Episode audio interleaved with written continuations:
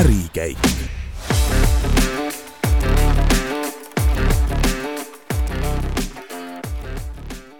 tervist, head kuulajad!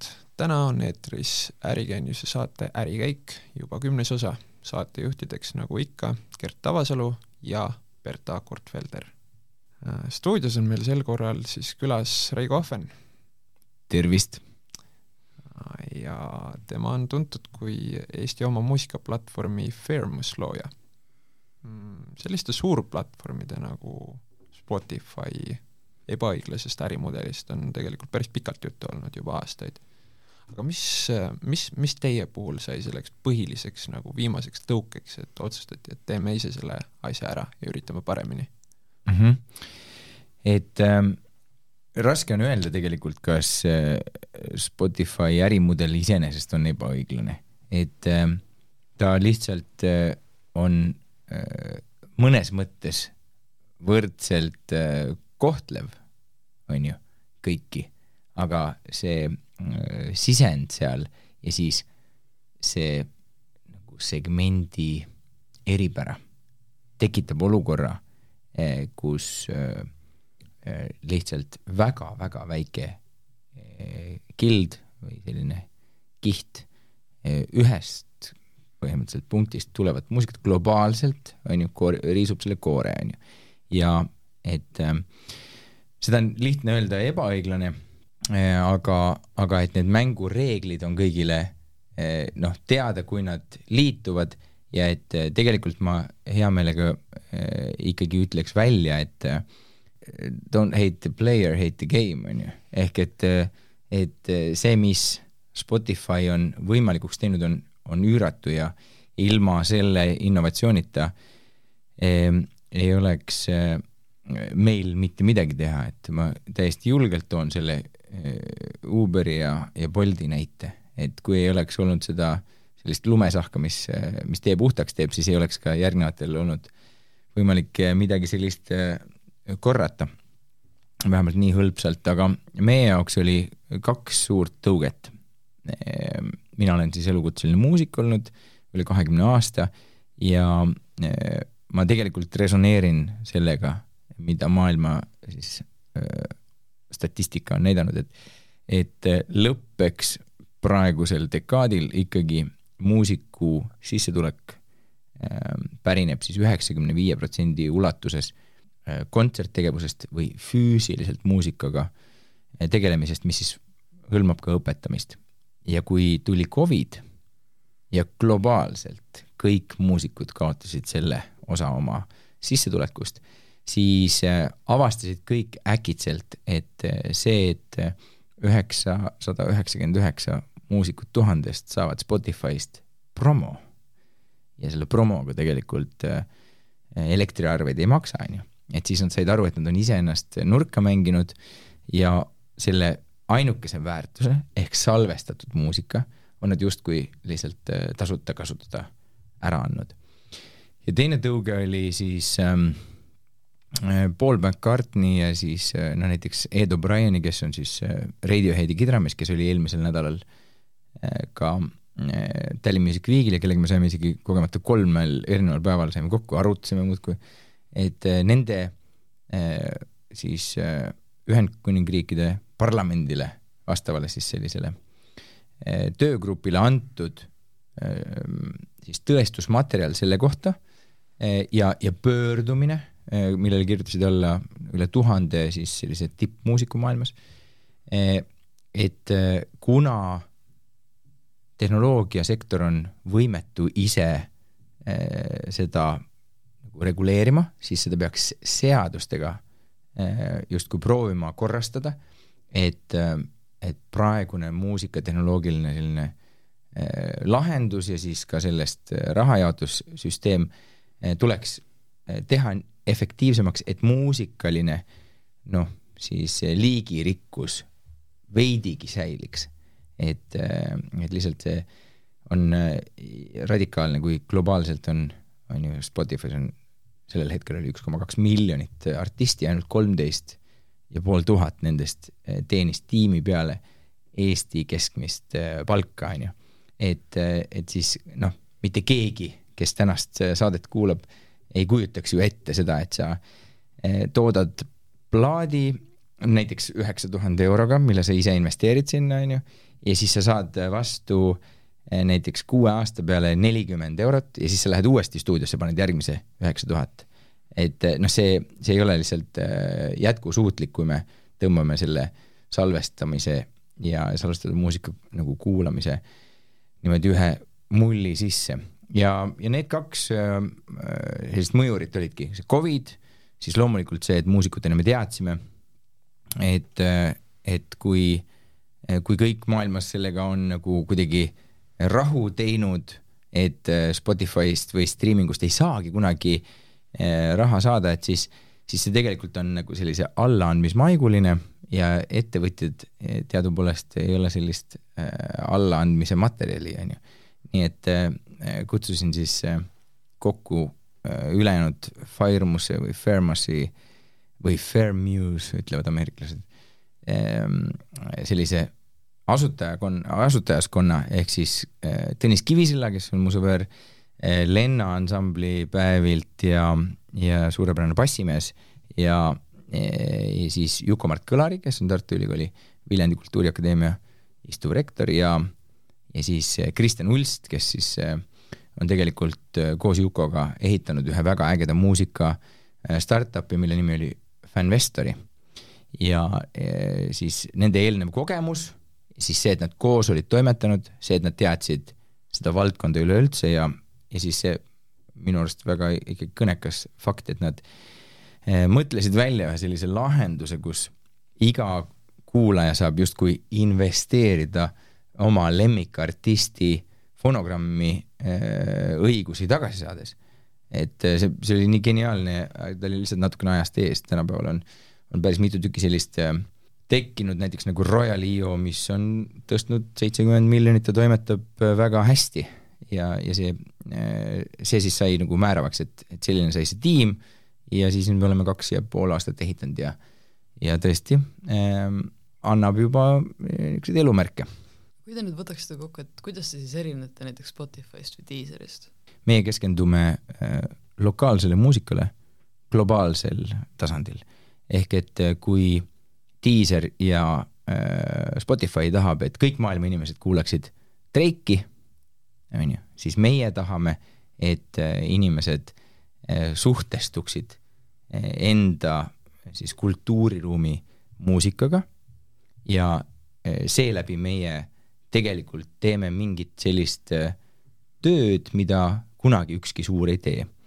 ehk et me lihtsalt äh, nagu tuima veohobuse järjekindlusega kaardistame, mis muusika on olemas ja me lihtsalt lisame äh, äh selle muusika äh, artistiga siis kahasse äh, oma platvormile, et äh, siis jõuda võimalikult lähedale ammendavusele ja tegelikult äh, ma ei tea, kuidas äh, teiega on, aga mina ei ole kunagi Drake'iga kokku saanud, on ju.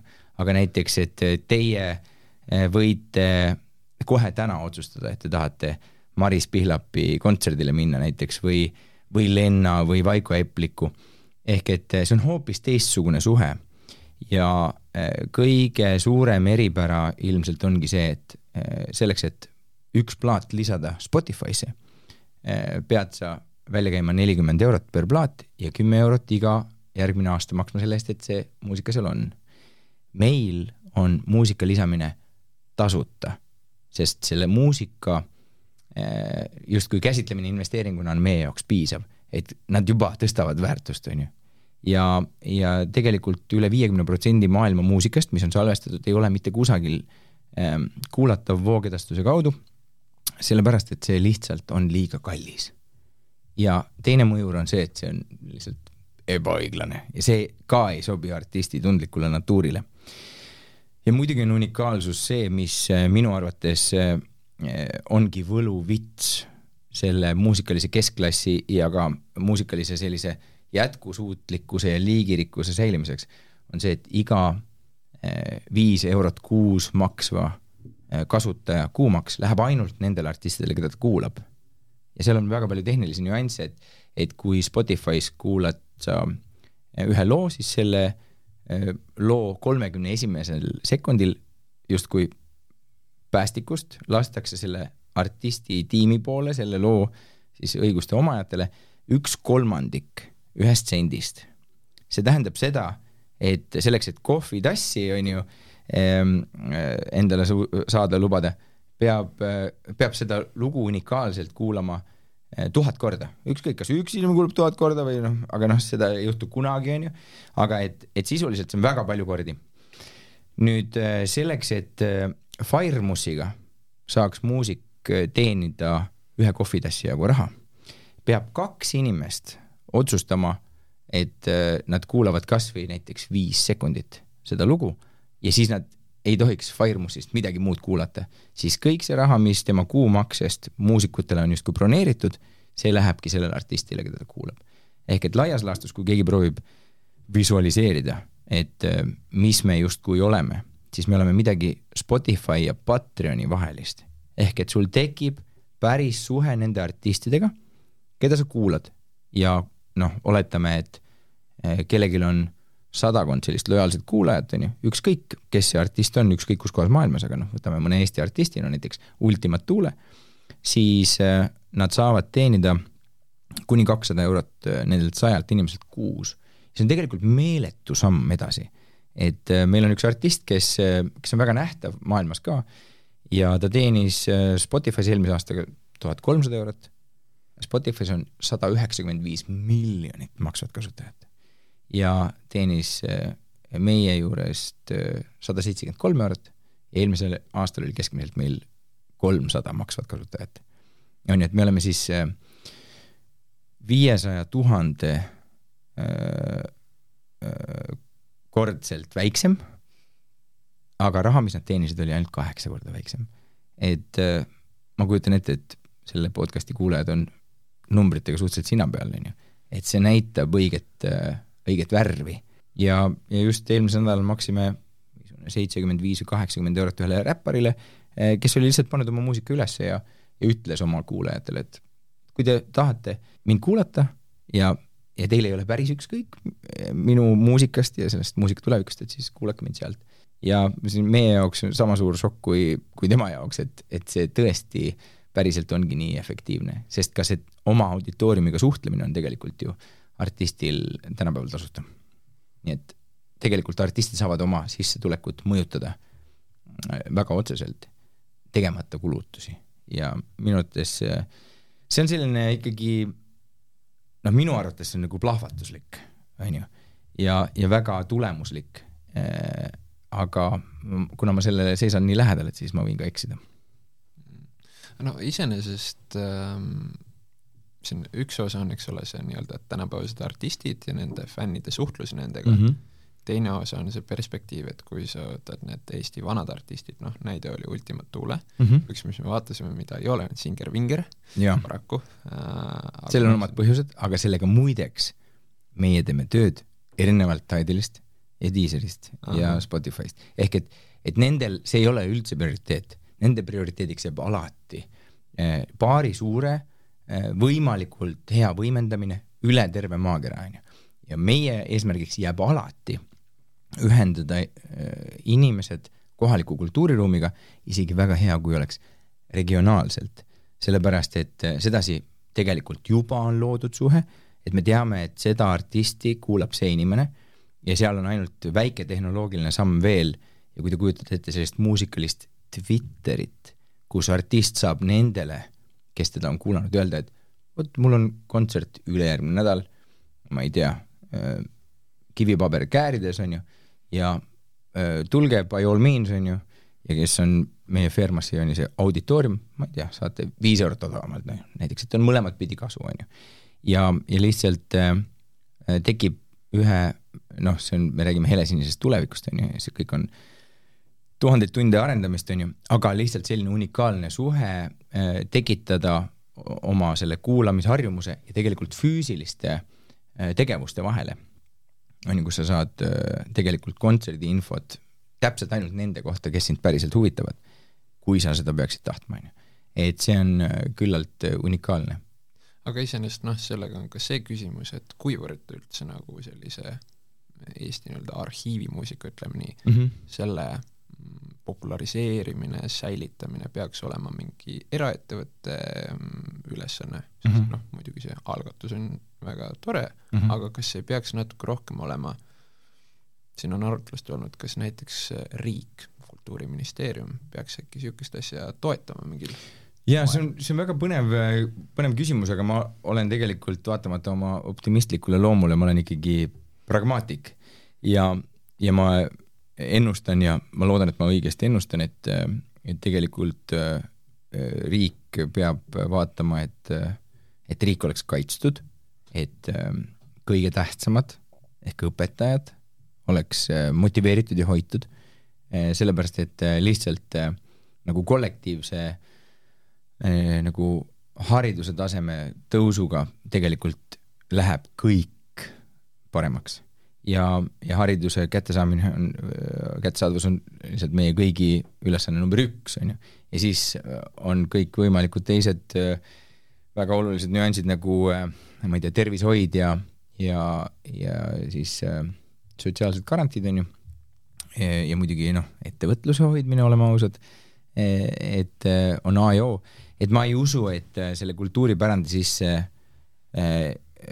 investeerimisel peaks või, või saaks niipea riigi poole pöörduda, küll aga ma pean natukene ikkagi kiitlema ka, sellepärast et keegi teine ei oska seda saba tõsta või ei tea või ei tunne vajadust, on ju. aga et me oleme esimene ettevõte kolmekümne aasta aja, ajaloo jooksul, kes on teinud kõikides aspektides, nii juriidilistes kui tehnilistes aspektides võimalikuks ERR-i arhiivi kuulamise ja loomulikult seda ei, ei saa teha niimoodi, et kõik sada tuhat fonogrammi, mis seal on, oleks korraga olemas, aga meil on testiks ja, ja toimivalt testiks on üle kuuesaja unikaalse loo kuuekümnendatest, seitsmekümnendatest, kaheksakümnendatest ja üheksakümnendatest.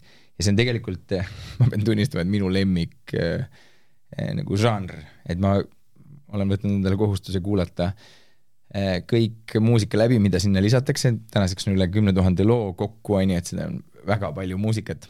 aga ma pean ütlema, et, et on tõesti põnev äh,. ja kuna muusikud ise, samal ajal kui mina pesen hambaid või teen lastele pannkooke, muusikud ise lisavad muusikat ja see muudab selle kõik tegelikult väga äh, plastiliseks ja, ja meie poolt vaadates ikkagi suhteliselt kergeks, et kuna meil on automatiseeritud need kontrollmehhanismid, et kas see fail on korrektne, kas äh, kõik tekstid on äh, korrektsed, muidugi peame me selle ikkagi episoodiliselt ja, ja pisteliselt üle vaatama, aga et kõikvõimalikud sellised digitaalsed lugude nagu sõrmejäljede registreerimisnumbrid on, on äh, nagu järelkontrollitavad, siis tegelikult muusika ilmub sinna platvormile ilma, ilma meieta ja see on nagu üllatusmuna iga hommik, et mis sinna on tekkinud, on ju. ja, ja mis on veel tore, on see, et see on globaalselt kuulatav äh, vähem kui kahekümne nelja tunniga, noh tegelikult me isegi võime öelda, et see on poole tunniga, aga noh, ärme lähe liiale, on ju, aga tegelikult on.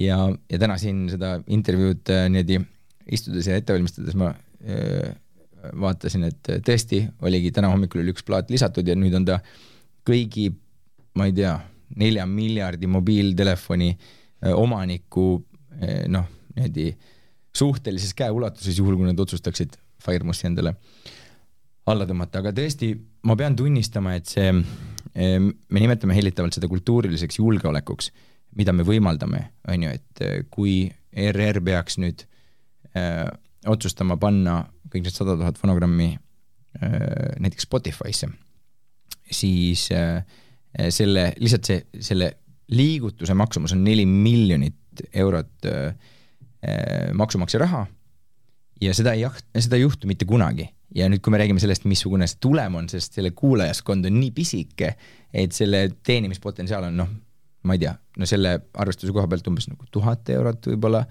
aastas ja, ja noh, sedasi see investeering ei tasu mitte kunagi ära, on ju. Aga toon selle samasuguse näite, et selle testperioodi jooksul on ju, mis me oleme siin teinud, on, on selle meie kasutajate hulga juures juba selline tuhat eurot teenitud, aga, aga ei nelja miljonit ega midagi vähemat nad ei, nagu ei pea investeerima, sest selle nagu arhiivi ja ühtlasi ka pilve paigutamine, see on meie juurde paigutamine odavam kui Dropboxi. ja ma saan aru, et see on selline kauge näide, aga ma toon lihtsalt Kiievi näite. Et Kiievis on olemas samasugune rahvusringhääling, kus kuskil keldris on kuskil päris ähm, lindid, mida on päriselt digitaliseeritud, mida hoitakse seal päriselt nendes serverites, on ju, ja kui sellega peaks midagi juhtuma, siis tegelikult see kultuuri äh, järjepidevus katkestatakse ära. nii et, äh, et tegelikult äh, kõikvõimalikud arhiivid on võimalik selliselt äh, kuulatavaks teha ja mõtelge, kui tore on, kui ei pea minema mingisuguse Rahvusarhiivi näiteks äh, Tartusse, loomulikult on tore, kui sinna saab minna. Aga mõtle, kui tore on, kui nemad on leidnud endale partneri, eh, mis nendele eh, ütleme, mingit kulu ei tekita, aga kõik meie muusikapärandist huvituvad, ma ei tea, teadlased ja võib-olla nagu muusikud saavad igalt poolt maakeralt ligipääsu, kusjuures need arhiivid nende fonogrammide omanikena teenivad tegelikult raha selleks, et oma seda äh, arhiivi veel paremini digitaliseerida, veel paremini hoida, veel paremini võib-olla juurde toota. et me räägime tegelikult ikkagi väga potentsest eh, suurest sellisest hüppest sinnapoole, et, et just see ligipääsetavus sellele unikaalsele sisule, mida varem justkui ei olnud isegi, noh, see ei mahtunud lihtsalt sellesse tehnoloogilisse pilti, noh, kulude mõttes on ju, ja siis ka tulude tekitamise mõttes et eh, sellel nüüd on oma ko koht.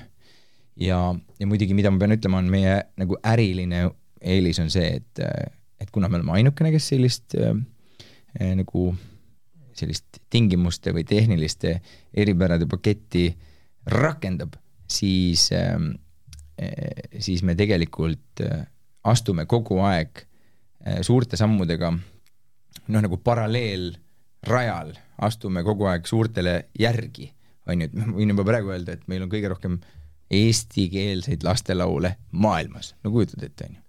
ja see on lihtsalt sellepärast, et see meid huvitab ja see on see content, mida, mida iga keelegrupp alati, ükskõik, ma ei kuule Eesti muusikat ju, aga mis muusikat sa oma lastele lased, mis keelsed?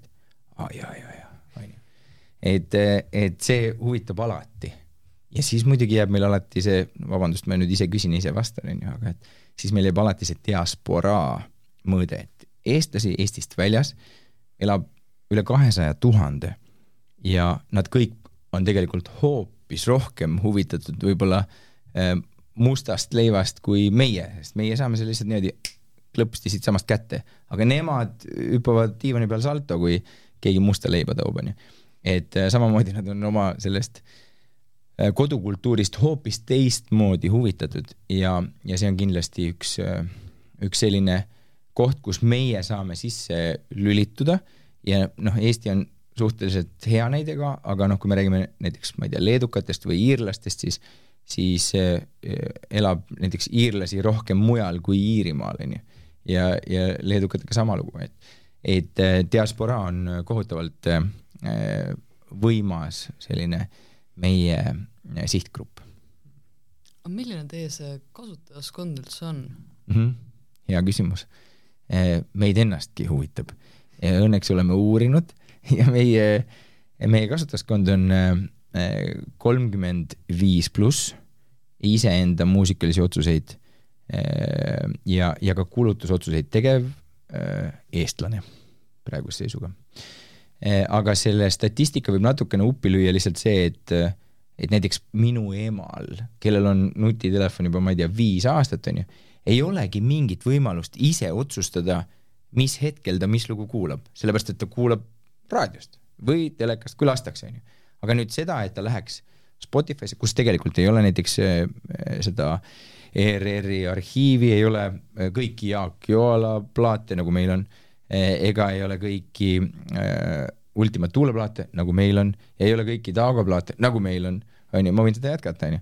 et, et siis Eh, nüüd on tal võimalik võtta telefon lahti, ühe klikiga saada ligipääsu sellisele digitaalsele muusikariiulile ja kuna meie jaoks on ka oluline see keeleruum, siis see äpp on eestikeelne ja siis ta saab sealt eh, noh, nii kureeritud playlist'e kui ka statistilisi playlist'e kui, kui ka väga lihtsalt endale seda muusikat valides oma telefoni muuta selliseks nagu ajamasinaks.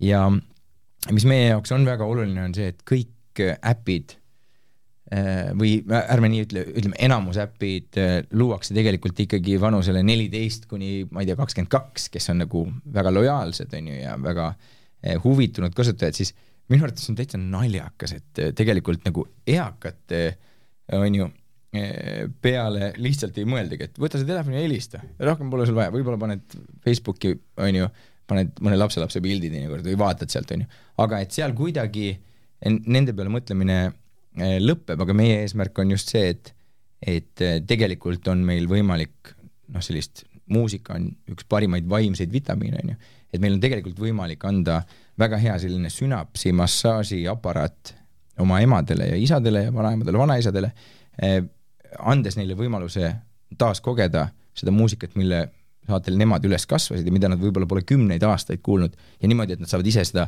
määrata, millal nad kuulavad ja mida, et seda noh, polegi olnud, on ju. nii et see tiigrihüpe tegelikult on minu arust äh, küllalt meeletu. niimoodi kuulates on selge, et potentsiaali nagu perspektiivi mõttes, kes võiks kuulata, on väga palju mm. -hmm. aga siin on see küsimus ja no meedia on sellega maadelnud mõnda aega kuidas panna inimesed maksma asjade eest, äh, mida nad on juba vahepeal harjunud saama tasuta mm. -hmm väga kuidas hea. seda teete? jaa, see on väga hea küsimus, et äh, meie jaoks tegelikult äh, nagu äh, võluvits äh, või selline noh, ma ei ütle kärbsepaber, on ju, aga, aga midagi sarnast on see side selle artistiga et igalühel meist on, on mõni muusikaline artist, kelle plaadi me oleme kunagi ostnud ja kelle kontserdile me läheme ja võib-olla kelle peale me mõtleme, et oh,, keda kutsuda juubelile esinema, on ju. et see tähendab, et me tegelikult ei, ei viska tal nagu tellisega kasvuhooneklaasi, klaasi sisse ja ei võta talt tomateid sealt, sest noh, mulle tundub, et ta on selle nagu kasvatanud, et see tähendab, et ju see on mulle ju tasuta, on ju. et, et eh, meil on väga lihtne äh, kuulata Youtube'ist või Spotify'st Drake'i tasuta, sest eh, noh, tal on kõik eh, need Ferrari'd on reas, tal on tegelikult on hästi, et ta vist ei ole näljas, on ju. aga et, et ma ei ütle ka, et muusikud oleksid näljas, see, see on selge liialdus, on ju. aga, aga selge on see, et see on selle poole kaldu, et muusikud justkui luues seda muusikat, on selle investeeringu teinud ja nüüd kuidagi on inimestel tunne, et, et see ikkagi võiks olla äh, tasuta nagu õhk, on ju, ja nüüd, kui on see füüsiline äh, nagu seos, et noh, et ma lihtsalt tean, kus kohas Raul Vaigla elab näiteks või, või kus ta, ma ei tea, poes käib või, või ma ei tea, kus kohas tal kontsert on, on ju, et siis kuidagi tundub nagu narr kasutada, noh, ütleme äh,, mitte hoolida tema sellest kunstist, mis, mis mind ju tegelikult nagu kütkestab, on ju. aga, aga loomulikult ma, huvitav, et sa sellise näite tõid, sest äh, minu arvates äh, ajakirjandus ongi kõige parem näide. et kui see oli kõikidele kogu aeg tasuta, kui kõik artiklid loe palju tahad ja kui see läks maksumüüri taha, siis tegelikult ähm, seda äh, digitellimuste kasvu äh, ja seda kasvunumbrit, kui me räägime nagu üldarvudest ja, ja me nagu seome äh, kõik nad ühte sellisesse sõbralikku punti, on ju, et siis see kasv on väga äh, märkimisväärne ma saan aru, et te meediainimestena tegelikult eh, võib-olla minuga eh, ei nõustu, aga et te peate ütlema, et, et see on piisav, et te nagu peaaegu et ise majandate, on ju? no vot, ja ega me muud, muud midagi ei tahagi, ega Firemus ei ole mingisugune Harry Potteri võluvits, on ju, et kui sul on Spotify's kümme kuulajat ja sul on Firemusis kümme kuulajat, siis sellest, et me suudame teoorias kolmsada kolmkümmend neli korda tõsta sinu sissetulekut eh, seoses ühe kuulamisega, siis sellest ikka ei piisa, et ennast ära elatada, et siis see, et sul on kümme kuulajat, see seab oma piirid. aga lihtsalt eh, see eh, nagu toimetuleku või äraelatamise piir tuleb lihtsalt nii meeletult allapoole, et isegi Eestis on võimalik suurendada Äh, nagu mitmekümnekordselt nende inimeste äh, hulka, kes selliselt kuulatud muusika äh, puhul on ise majandavad. ja see ei ole mingi väga katastroofiline number, et tegelikult me võime öelda, et alla kümne muusikalise artisti saab Eestis mingit märkimisväärset sissetulekut eh, siis muusika eh, voogedastusest selles mõttes see, mis te teete, on kõik väga üllas ja väga õige mm, -hmm. aga kuidas te ikkagi nagu saate konkureerida näiteks Spotify'ga, sest et kui ma Spotify'st selles mõttes see väärtuspakkumine on nagu mingis mõttes parem, et mul on seal miljon asja mm, -hmm. see on väga, teil on väga nagu niisugune niši asi mm. -hmm. väga hea küsimus jälle, et äh, see on äh, illusioon. et äh, me võime öelda, et muusika on lineaarne, et isegi kahte lugu korraga kuulata ei ole võimalik sa kuulad ühte lugu korraga ja ühel päeval lisatakse Spotify'sse üle saja tuhande loo. teen kiire kalkulatsiooni, eh, et meie kellegi elus ei ole piisavalt ärkveloleku minuteid, et kuulata eh, Spotify'sse ühel päeval lisatud lugusid läbi. ja meil ei ole ka mitte mingisugust soovi. nüüd uuringud näitavad, et tüdrukutel kujuneb välja muusikaline maitse üheteistkümnendast eluaastast kuni viieteistkümnenda eluaastani poistel natukene hiljem, neliteist kuni kuusteist. nüüd järgnevad uuringud näitavad, et tegelikult spiraalselt nende artistide juurde tagasi pöördumine, kes äh, meile päriselt korda läheb, on maksimaalselt umbes kahekümne artistiga. tegelikult ilmselt enamuste puhul isegi mitte nii palju. ja nüüd küsimus ongi, et kui sa kuulad umbes viieteistkümne kuni kahekümne artisti äh, muusikat terve oma elu niimoodi, et see läheb sulle päriselt nagu korda, sa avastad äh, artiste, kes sulle meeldivad aina vähem ja vähem, kes sulle jäävad nagu stikivad külge, et kes, kes, keda sa tõesti jääd kuulama, kellest sa tõesti hoolid, on ju. et siis see, et seal on sada miljonit lugu, on lihtsalt totaalne illusioon, ta on muidugi meeletu äh, reklaami äh, selline lause, et kogu maailma muusika, aga tegelikult see oleks nagu justkui, et sa lähed eh, Prismasse ja virutad kakskümmend tonni letti, niimoodi kõmm, ja siis võtad munad ja saia ja jalutad uksest välja. et noh, et see on umbes, umbes selline, on ju, et, eh, et sa tegelikult kogu aeg maksad millegi eest, mida sa mitte kunagi nagu ära ei kasuta. et sa nagu lähed, ma ei tea, Tallinki sinna bufeesse ja maksad noh, ma ei tea, seitse sotti ja no söö seda, kasvõi seda kalamarja nii palju, kui sul kõhtu mahub, aga no igal juhul eh, sa, sa nagu maksad kogu aeg üle ja sa maksad ainult selle potentsiaalse võimaluse eest. aga noh, see, see on see hobuse pea kohal hoitav selline porgandõngega, kuhu sa mitte kunagi ei ulata ja ei peaks isegi tahtma, onju. et võib-olla sul on hoopis porgandiallergia, onju, et ära isegi noh, see, see ei ole vajalik ja sellepärast ongi see meie tegelikult, meie sihtgrupp on kaks kaks, ühed on need, kes maksavad mingisuguse muusika striimimisteenuse eest. ja neile on suhteliselt lihtne nagu selgitada, et kuidas muusika striimimine käib ja mis on meie erinevus ja mis on justkui selle plussid. nüüd teine segment ja sihtgrupp on inimesed, kes ei maksa muusika eest ja äh, nendele me peame lähenema teistmoodi aga et üllataval kombel meie kuulajaid, kui me neid nüüd analüüsime, siis on tegelikult mõlemast äh, enam-vähem sama palju. et inimesed, kes on, vot nüüd ma näen põhjust, miks maksta, sellepärast et need artistid, kellest ma hoolin, saavad sellest midagi kasu, on ju. ja ma ei kujuta ette, noh, te ei saa muidugi siin midagi öelda, aga ma ei, noh, ma olen suhteliselt kindel, et te ei ole kuskilt torrentist äh, salaja tõmmanud mingit muusikat või filme noh, viimase kümne aasta jooksul, sest tundub selline, et keegi on seda suure hurraaga ikkagi nagu hirmsa armastusega teinud, on ju, see on kunst, kui sa seda tahad vaadata, siis tegelikult see ju kütkestab sind, on ju, või sa tahad seda kuulata, on ju. et sellepärast ka Netflix õnneks äh, siin äh, ütleme äh, elab, et, et inimesed on aru saanud, et, et tegelikult on okei okay sellise intellektuaalse omandi eest maksta. ja, eh, ja tegelikult ähm, on ju võimalik kogu maailma muusikale ligi pääseda tasuta. Spotify'l on freemium, Youtube'ist saab nagu põhimõtteliselt kogu content'i maailmas, on ju, aga et, et siis sellisel puhul, et sa, sa avastad, et, et noh, mängime lihtsalt väga äh, äh, laia pintsliga numbritega, et, et Spotify's on see muusika, mis seal on. ja see on umbes viiskümmend protsenti maailma salvestatud muusikast, noh, ma arvan, et seal tegelikult ei ole niigi palju. ja ne-, see viiskümmend protsenti, mida seal ei ole, on põhjusega sealt puudu. meie võtsime need põhjused tee pealt eest ära.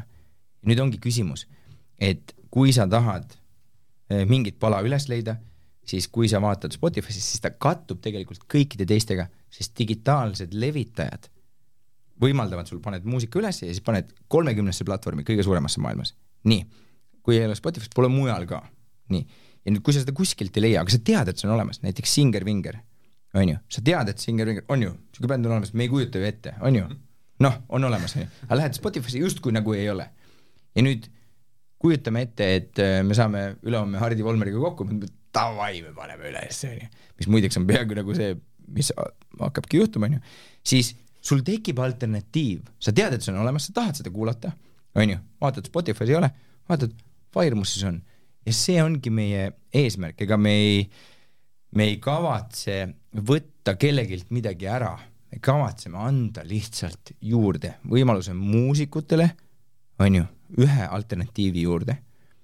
Ja võimaluse kuulajatele ja muusikasõpradele.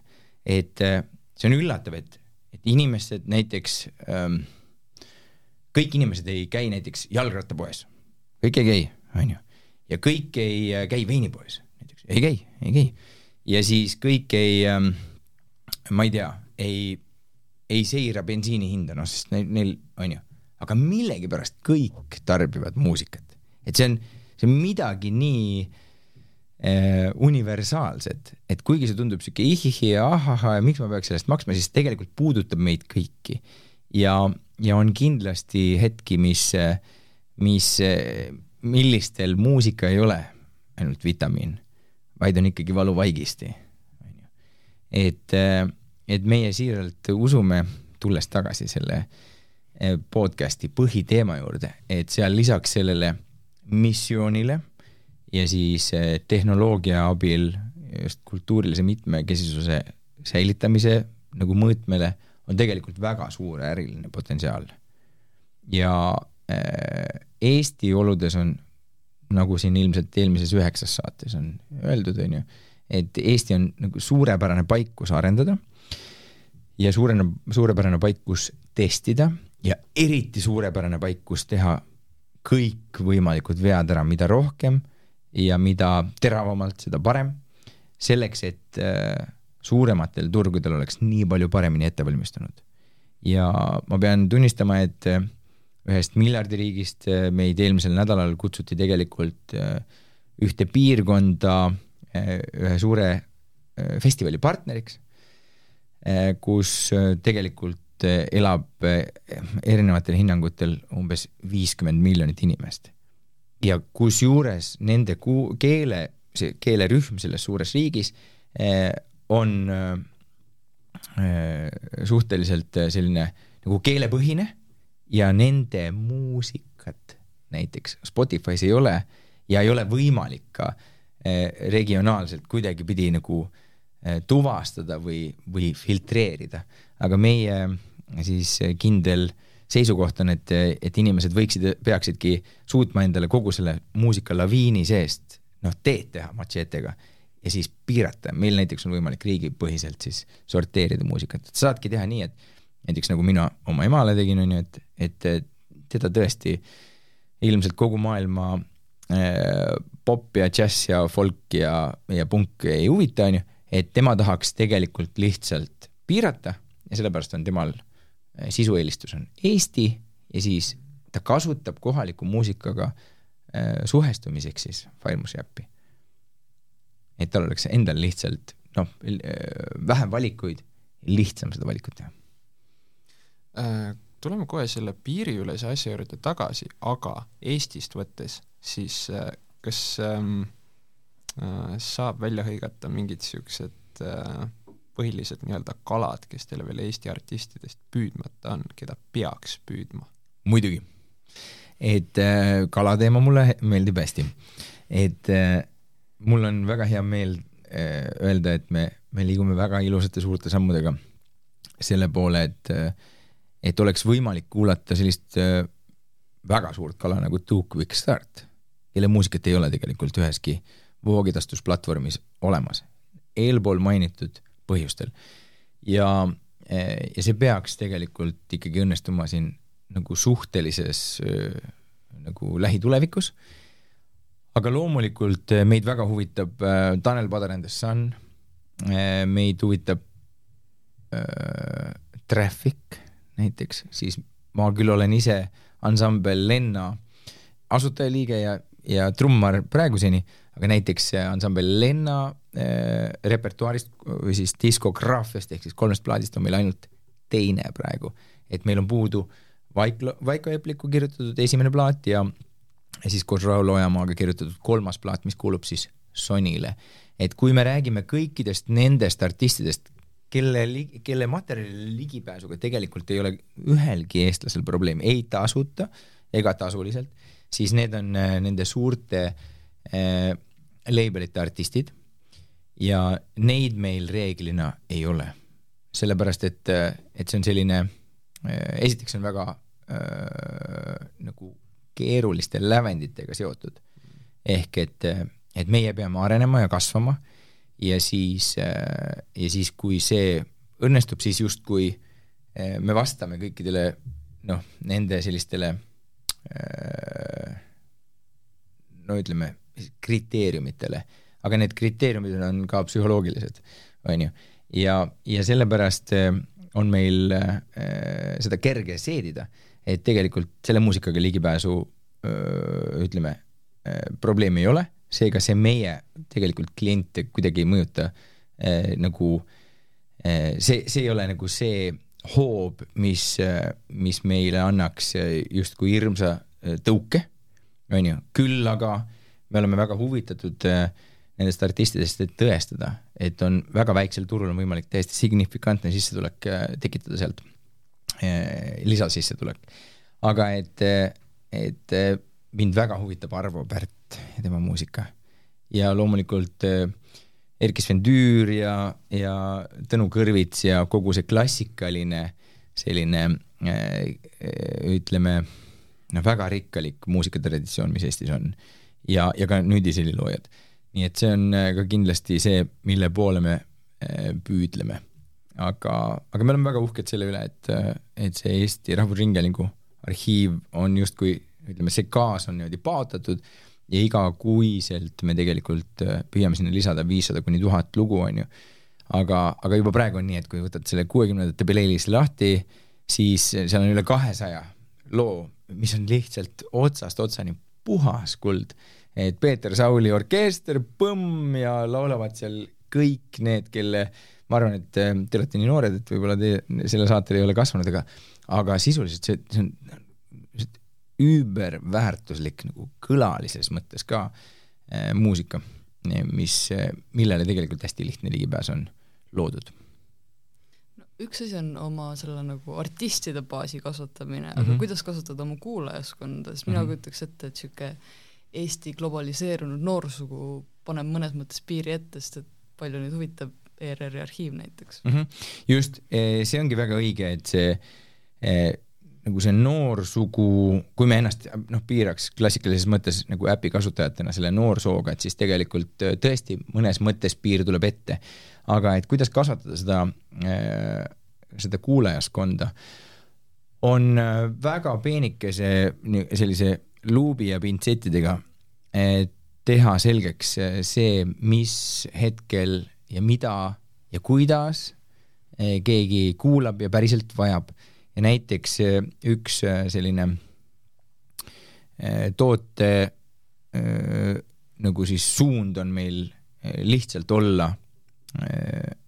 nagu abivahend, me, me võime öelda ka selle kohta e-tech lahendus, aga et abivahend, et kui me kujutame ette, paneme ennast korraks seitsmenda klassi õpilase sussidesse, me oleme kõik seal olnud, ja näiteks muusikatund, muusika noh, luguja on siis äh, eh, näiteks, ma ei tea, Viini klassikute peal on kontrolltöö. nüüd see ei ole salastatud info, missugune seitsmenda klassi eh, nagu kuulamisprogramm ja missugune on see kuulamistest.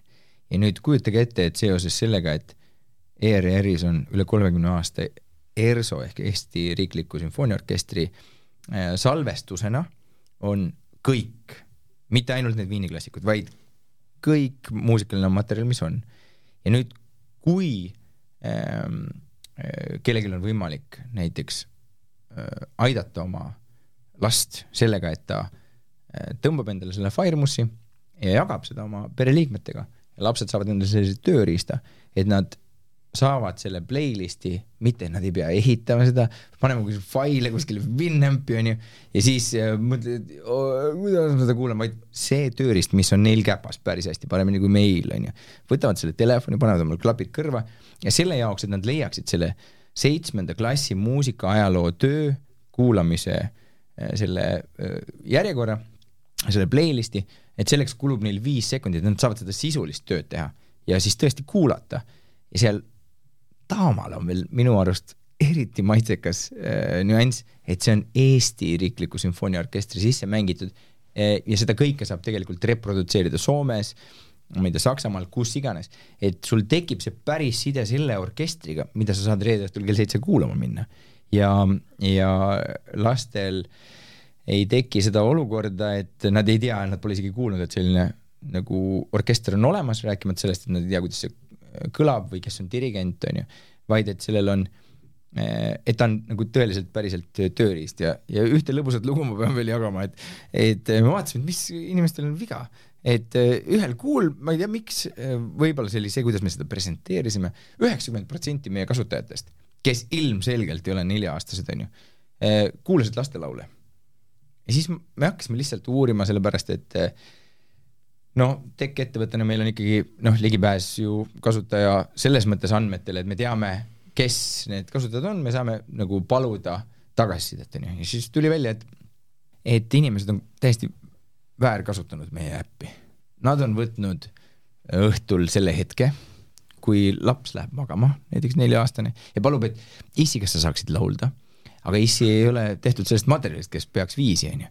siis ta võtab selle äpi paneb mõnusa eestikeelse äh, lastelaulu playlisti paneb käima, paneb selle telefoni, kuna on uneaeg, paneb telefoni näoga vastu ähm, kuskile voodi äärt või lauda ja nüüd see mängib, laps, lapse kõrv areneb, tema keeleaparaat areneb, on ju, ja ta saab selle, mida ta vajab. teine asi, mida nelja-aastane vajab, on tegelikult see, et lapsevanem oleks lähedal, tal ei ole vaja olla päris kaisus, aga et sa ei saa minna teise tuppa aga nüüd, mida teeb täiskasvanud mees, noh, täiesti nagu täiemõistuslik ja kaine, mida ta teeb, kui tal telefoni ei saa näppida? täielik dilemma. no siis tuli olude sunnil võtta, panna lugemislamp käima, sellepärast et telefon tegeleb lapse eh, soovide rahuldamisega, onju, võttis ja luges kahe nädalaga läbi eh, viimase kahe kuu eh, nagu siis öökapile kogunenud raamatud, sellepärast et et igal õhtul tekkis seda aega juurde, kus sa ei saa selle nutitelefoniga näperdada ja miks ei saa, sest kui see laulab sul siin päris nagu näo ääres, noh see ilmselt on ikkagi nagu seda on palju, onju. ja siis äh, mul tegelikult me saime päris mitu korda tagasisidet, et et kuulge, et te olete ehitanud ajamasina. ehk et ma olen saanud oma ööpäevaliselt aega lugemiseks juurde. ja minu arvates see, see nagu tõmbas sellised liblikad kõhtu, et täitsa lõpp. et äh, kui, kui tundub, et äh, et enamus tehnoloogiat kuidagi on selline nagu kontraproduktiivne, on ju, et eh, no me kõik oleme ilmselt eh, paar korda nädalas eh, veits üllatunud ebameeldivalt, kui palju me aega võib-olla sotsiaalmeedia peale raiskame, on ju. et siis, siis see tegelikult justkui nagu vähendab seda sotsiaalmeedia tarbimise ja, ja võib-olla nutisõltuvuse jalajälge. praegu mõtlesin uue termini välja, miks mitte, on ju. et süsiniku jalajäljega me oleme nüüd juba väga hästi tuttavad, on ju, aga see, sellist just nagu individuaalne, subjektiivne nutisõltuvuse jalajälg iseenda nagu selles ärkveloleku ajas, et seda saad vähendada. ja, ja keskenduda siis mingitele päris asjadele. no kui võtta see kasutajaskonna laienemine, siis no tohutu perspektiiv on ikkagi ju piiri taga. Te mainisite siin ühte miljardiriiki, üks neist mm -hmm. kahest see olla saab, eks ole. ja neid isegi peaks olema kolm, aga ma värskeid, ütleme Võibolla. kaks igaks juhuks, on ju et värskeid andmeid, täna pole kõiki nuppe üle lugenud.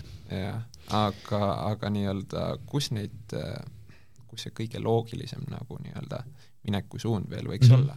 jaa, et meil on tegelikult äh, plaanis teha äh, paar-kolm testi ja äh, kõige loogilisem äh, suund on siis mitte inglise keelt kõnelev äh, riik, sellepärast et ähm, et inglisekeelsetes riikides on tegelikult äh, kattuvus äh, praeguste äh, siis äh, muusikaplatvormide poolt väga hea. ta on nagu eriti hea ja äh, see peab olema siis mitte inglise keelt kõnelev riik äh,, kus kohalik muusika on hoopis teises staatuses, kui Eestis on. et Eestis millegipärast on äh, mingid, mõned erinevad asjad, et äh, ma olen, ma olen äh, jälginud juba ammu, et kui, näiteks minna Lasnamäele, siis mingil hetkel oli selline hetk ikkagi, kus maja ees olev auto on igal juhul kallim kui see korter, kus see autoomanik elab. et lihtsalt Eesti inimesele see auto on nii kohutavalt oluline. ja teine asi, et kõik, mida tehakse näiteks muusikaliselt kuskil mujal, olgu või Soome, on alati nagu kõrgemalt hinnatud kui see muusika, mis Eestis. aga ma pean tunnistama, et see ei ole igal pool nii, et see näiteks ei ole Jaapanis nii see ei ole näiteks Bulgaarias nii, see ei ole näiteks Saksamaal isegi nii, on ju, et, et äh, see side omaenda ähm, siis keeles, kultuuriruumis tehtud muusikaga on riigiti ja kultuuriti väga erinev. ja, ja meil on tegelikult selline noh, tehtud selline missi valimine, et missugustes riikides kohalik muusika kõige rohkem äh, korda läheb ja siis, äh, ja siis seal on veel erinevaid KPI-sid, mida me, mida me seirame, mõõdame ja analüüsime. Äh, et see, äh, kuhu me läheme, mis keelde me selle äpi tõlgime ja siis ka, kuhu me sellise kohapealse päris sellise nagu üksuse moodustame, et see tegelikult on ikkagi arvandmete analüüsil tehtav selline otsus. aga ma riike välja ei ütle praegu. no aga iseenesest ka see, et kas äh, need, kes hakkavad kasutama mm -hmm. siin, kui palju see kuumakse praegu oli? kuumaks on viis eurot. praeguseks viis Mhm. eurot mm. -hmm. algul oli kaks üheksakümmend üheksa. just. kuhu maale ta jääb või kasvab? Äh, see on päris hea küsimus, et, et tegelikult see neli üheksakümmend üheksa ehk siis noh, viis eurot on, on praegu meil selline nagu baashind ja see siis võimaldab kuulata eh, hetkel siis globaalset sisu, mida on, mis on enamus Eesti, Eesti sisu küll, aga see võib plahvatuslikult muutuda sisuliselt eh, üleöö, et eh, sellepärast, et kõik nagu sellised tõeliselt piiravad barjäärid nagu muusika üleslaadimise kulu, noh, seda pole olemas, on ju. et äh, siis äh, ütleme, kuus üheksakümmend üheksa on praegu planeeritud selline äh, Eh, sisu, mis annab tegelikult eh, ligipääsu, nagu kahepoolse ligipääsu tulevikus. Eh, siis artistidele ja artistidega suhtlemiseks, mis on lihtsalt selline, selline mõõde ja siis tegelikult meie hind, kus sul on ligipääs maksimaalse kvaliteediga muusikale, mis tähendab siis nagu kõige kõrgemat kvaliteeti, mis üldse sellel planeedil on võimalik füüsikaliselt teha, ehk see on see master WAV fail. et siis äh, see, selle hind jääb alla kümne euro igal juhul ja siis sellisel puhul, kui, kui see on siis see kõige kangem pakett, siis saab jagada seda oma nelja pereliikmega ka. ehk siis äh, vastavalt äh, ma ei tea, vanematega või tädide-onudega või lastega või et, et siis tuleb selline võimalus, aga noh, loomulikult sellise no ikkagi joviaalse ettevõtjana räägin nagu tulevikust, millest me ei pääse muideks, on ju. Nendest, nendest arendustest, et ilma selliste siis edasiarendusteta tegelikult seda, see, see äpp ei ole mõeldav, on ju, sest me peame üllataval kombel peame ne-, nende standardite kõrgusele tõusma, millega inimesed on harjunud ja mida nad tegelikult saavad isegi äh, suhteliselt tasuta ehm, näiteks Spotify kaudu äh, siis tarbida, sellepärast et sa pead küll vaatama reklaame või kuulama siis antud juhul, aga et, et sa ikkagi saad seda äppi kasutada nii telefonist kui iPadist kui arvutist, sa saad seda kasutada CarPlay'ga, Chrome'iga, Chromecastiga, Sonosega, on ju.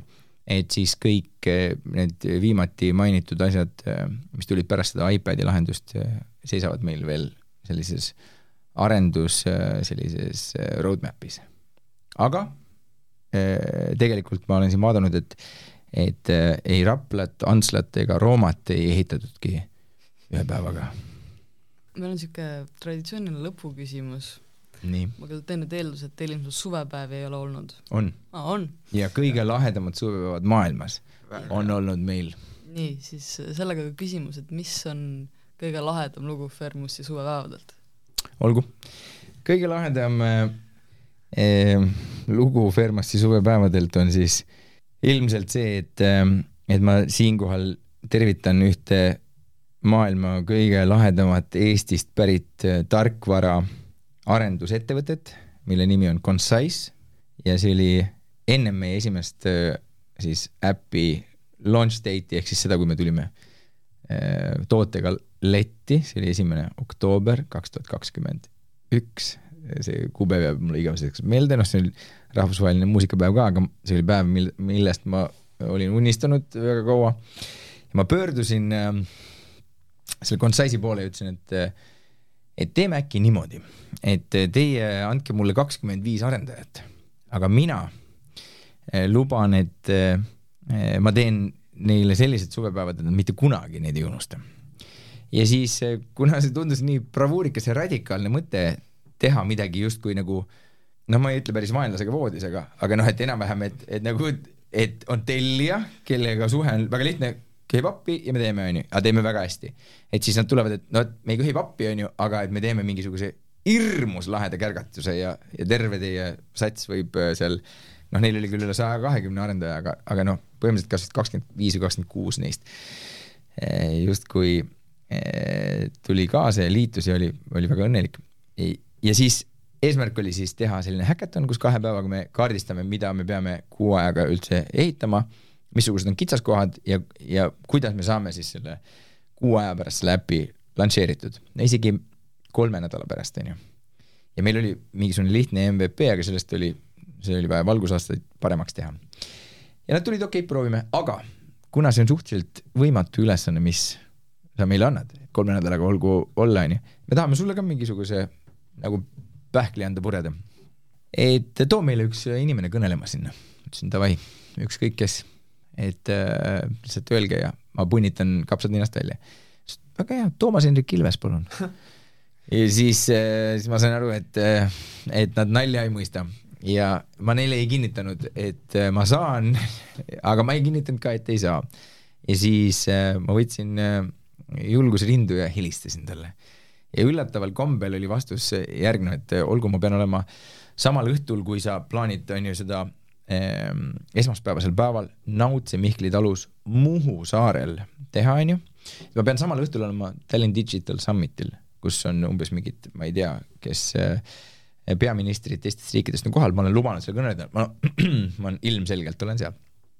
et kui sa suudad selle orgunnida, et ma olen nagu seal ja olen õigel ajal tagasi, ma võin tulla. nii, nüüd väga oluline pusletükk oli olemas, aga logistika, ütleme, Eh, mis seal on siis, kuidas üks eh, helikopter. Chicagos jah, üks, üks arhitekt, eh, kes oli umbes üheksakümne viie aastane, tema ütles natuke teistmoodi, et, et jumal on detailides, on ju, noh, mitte see siis see selline kontraproduktiivne tegelane, on ju. ja siis ma sain aru, et, et meil oleks vaja ühte helikopterit ja, ja siis kuna see tundus nii jabur, et siis siis ma pean ütlema, et mul üks sõber lihtsalt tuli appi ja aitas niimoodi, et kui see lõbus lugu nüüd äh, kokku võtta, siis me sõitsime bussiga sinna Nautse Mihkli tallu, mida ma kõigile soovitan väga,, väga-väga äge, nii, nii keskkonna mõttes kui äh, toidu mõttes kui pererahva mõttes, taevalik. me jõudsime selle bussiga kohale ja ma samal ajal kogu aeg äpist vaatasin, et kus kohas see kopter on, mis lendab, onju ja vaatasin, et lihtsalt, et kumb jõuab ennem. Lihtsalt, sest noh, kopter on väga kiire, onju. ja, ja siis ma lihtsalt ütlesin kõigile, et kallid, ma ei tea, kakskümmend viis Concise'i inimest ja, ja kümmekond Fermas inimest, jätke kõik kotid, jätke sinna vööri, onju, ja jookseme lihtsalt sinna maja äh, nagu selle nagu siis talukompleksi taha.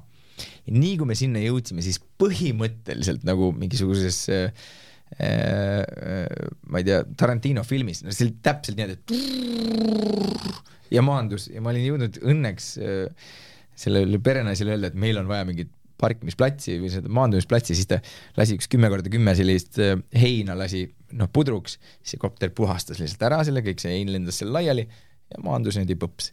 ja siis äh, oli päris lõbus oli see, et et, et mul üks väga äge selline kambajõmm, kes on alates päevast üks on mind kõvasti aidanud, konsulteerinud, inimestega kokku viinud, Indrek Kasela onju tuli siis äh, ka justkui kaasa, et vaadata, et kõik läheks hästi ja kõik leiaksid teineteist üles ja kõik on jõle mõnus.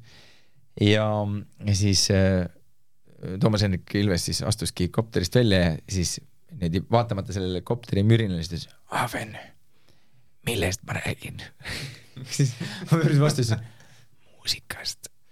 ja siis äh,, siis ta tuli ja ta rääkiski kakskümmend minutit, ta oli võtnud Eeva kaasa, nii tore oli ja siis äh, ta rääkiski sellest, et äh, kuidas muusika on tema kujunemisloos tõeliselt nagu oluline olnud. Ja see on olnud tema side Eestiga, onju, ja kuidas see kohaliku muusika äh, väärtust, noh, ei ole võimalik üle hinnata. ja kuna algusest peale on see listen local, support local või, või et, et, et ole nagu selle kultuuriruumi, selle muusikaga lihtsalt äh, äh, nagu rohkem sügavamalt seotud, onju et siis äh, et see läkski tegelikult sellisesse nagu motiveerivasse kohta kõikidel nendel arendajatel. ja siis me sõime seal äh, kõhud punni, head ja paremat, siis äh, andsime ühele maailma kõige kuulsamale heliloojale, kes, kes pidi selle kopteriga tegelikult pärastpoole lendu minema, andsime talle siis Indrek Kaselaga ühe ploomikoogi kaasa. ma loodan, et Arvo Pärt sai selle kätte ilusti. ja, ja siis Eevale kinkisime jaanalinnu muna ja siis nad läksid lõbusalt äh, kopteri peale ja sõitsid äh, minema.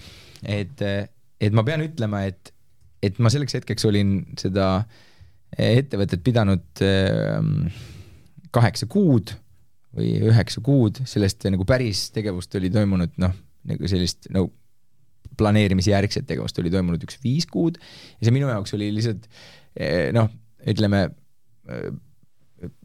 noh, see oli pehmelt öeldes ikkagi lõug oli põrandal, et sellised, sellised asjad onju. Ja siis me seal Nautsi Mihkli talus muidugi aitasime laamasid ja, ja käisime jaanalinde söötmas ja sebrasid vaatamas onju, et see, see tegelikult äh, oli nagu mõnusalt äh,, pean ütlema ikkagi küllalt hull, jah. aga, aga see jääb mulle igaveseks meelde, kui äh,, kui ikkagi see hetk, kus riigi president on nõus äh, panema oma õla alla lihtsalt nagu ühe küsimise peale. ja sellepärast ma ütlen, et eh, ma üldse ei imesta, et Eestis äh, nii palju startup'e tuleb ja kuhugi areneb, sellepärast et see kollektiivne hoolivus ja ka tegelikult kogemus, on ju, on olemas. et äh, ja, ja mina tulles täiesti teisest valdkonnast, on ju, ma pean ütlema, et ma seda sellist küünarnukitunnet ja sellist tuge olen vajanud väga palju ja ma ei ole saanud kordagi üheltki nagu tõsiselt päris äh, nagu siis edu saavutanud äh, ja ükssarvikutega sõitvad, äh, sõitvatelt siis startup eritelt ei ole saanud kunagi nagu küsimusele vastust, et, et ma ei tea, ei ole aega või, või ära tüüta või mõtle ise välja või et, et kui sa lähed kellelegi nagu kalamehele, hiilid külje alla, siis küsid, et noh, et kuidas see käib või mis, millega püüad, on ju, siis on see, et õige vastus on see, et, et sa pead maksma tundidega mere ääres, on ju, või kus iganes, et sa maksad nagu oma ajaga eh, selle teadmise eest. keegi ei ütle sulle midagi. aga üllataval kombel startup maailmas on nii, et igaüks võtab sinu jaoks aega, kui sul on seesama nagu vedru on sees. ja, ja ma pean ütlema, et mulle väga meeldib seda Firemussi ehitada ja, ja ma tõesti siiralt unistan sellest hetkest, kui äh, kui eh, inimesed nagu siiralt tajuvad, et see täidab mingisuguse eh, tühimiku nende sellises kuulamiskogemuses, on ju. ja nad, et sealt saab seda muusikat, millest nad on, millele mugavast ligipääsust nad on unistanud ja millest nad on võib-olla isegi nagu lahti lasknud. ja seda vastust me oleme päris palju saanud, et, et tõesti, see teeb üllatavalt palju rõõmu. et ma saan aru, et see päris reklaamisaade ei ole, on ju, aga aga ma soovitan kõigil proovida seda. selge, aga aitäh tulemast ja aitäh kuulamast! aitäh kutsumast!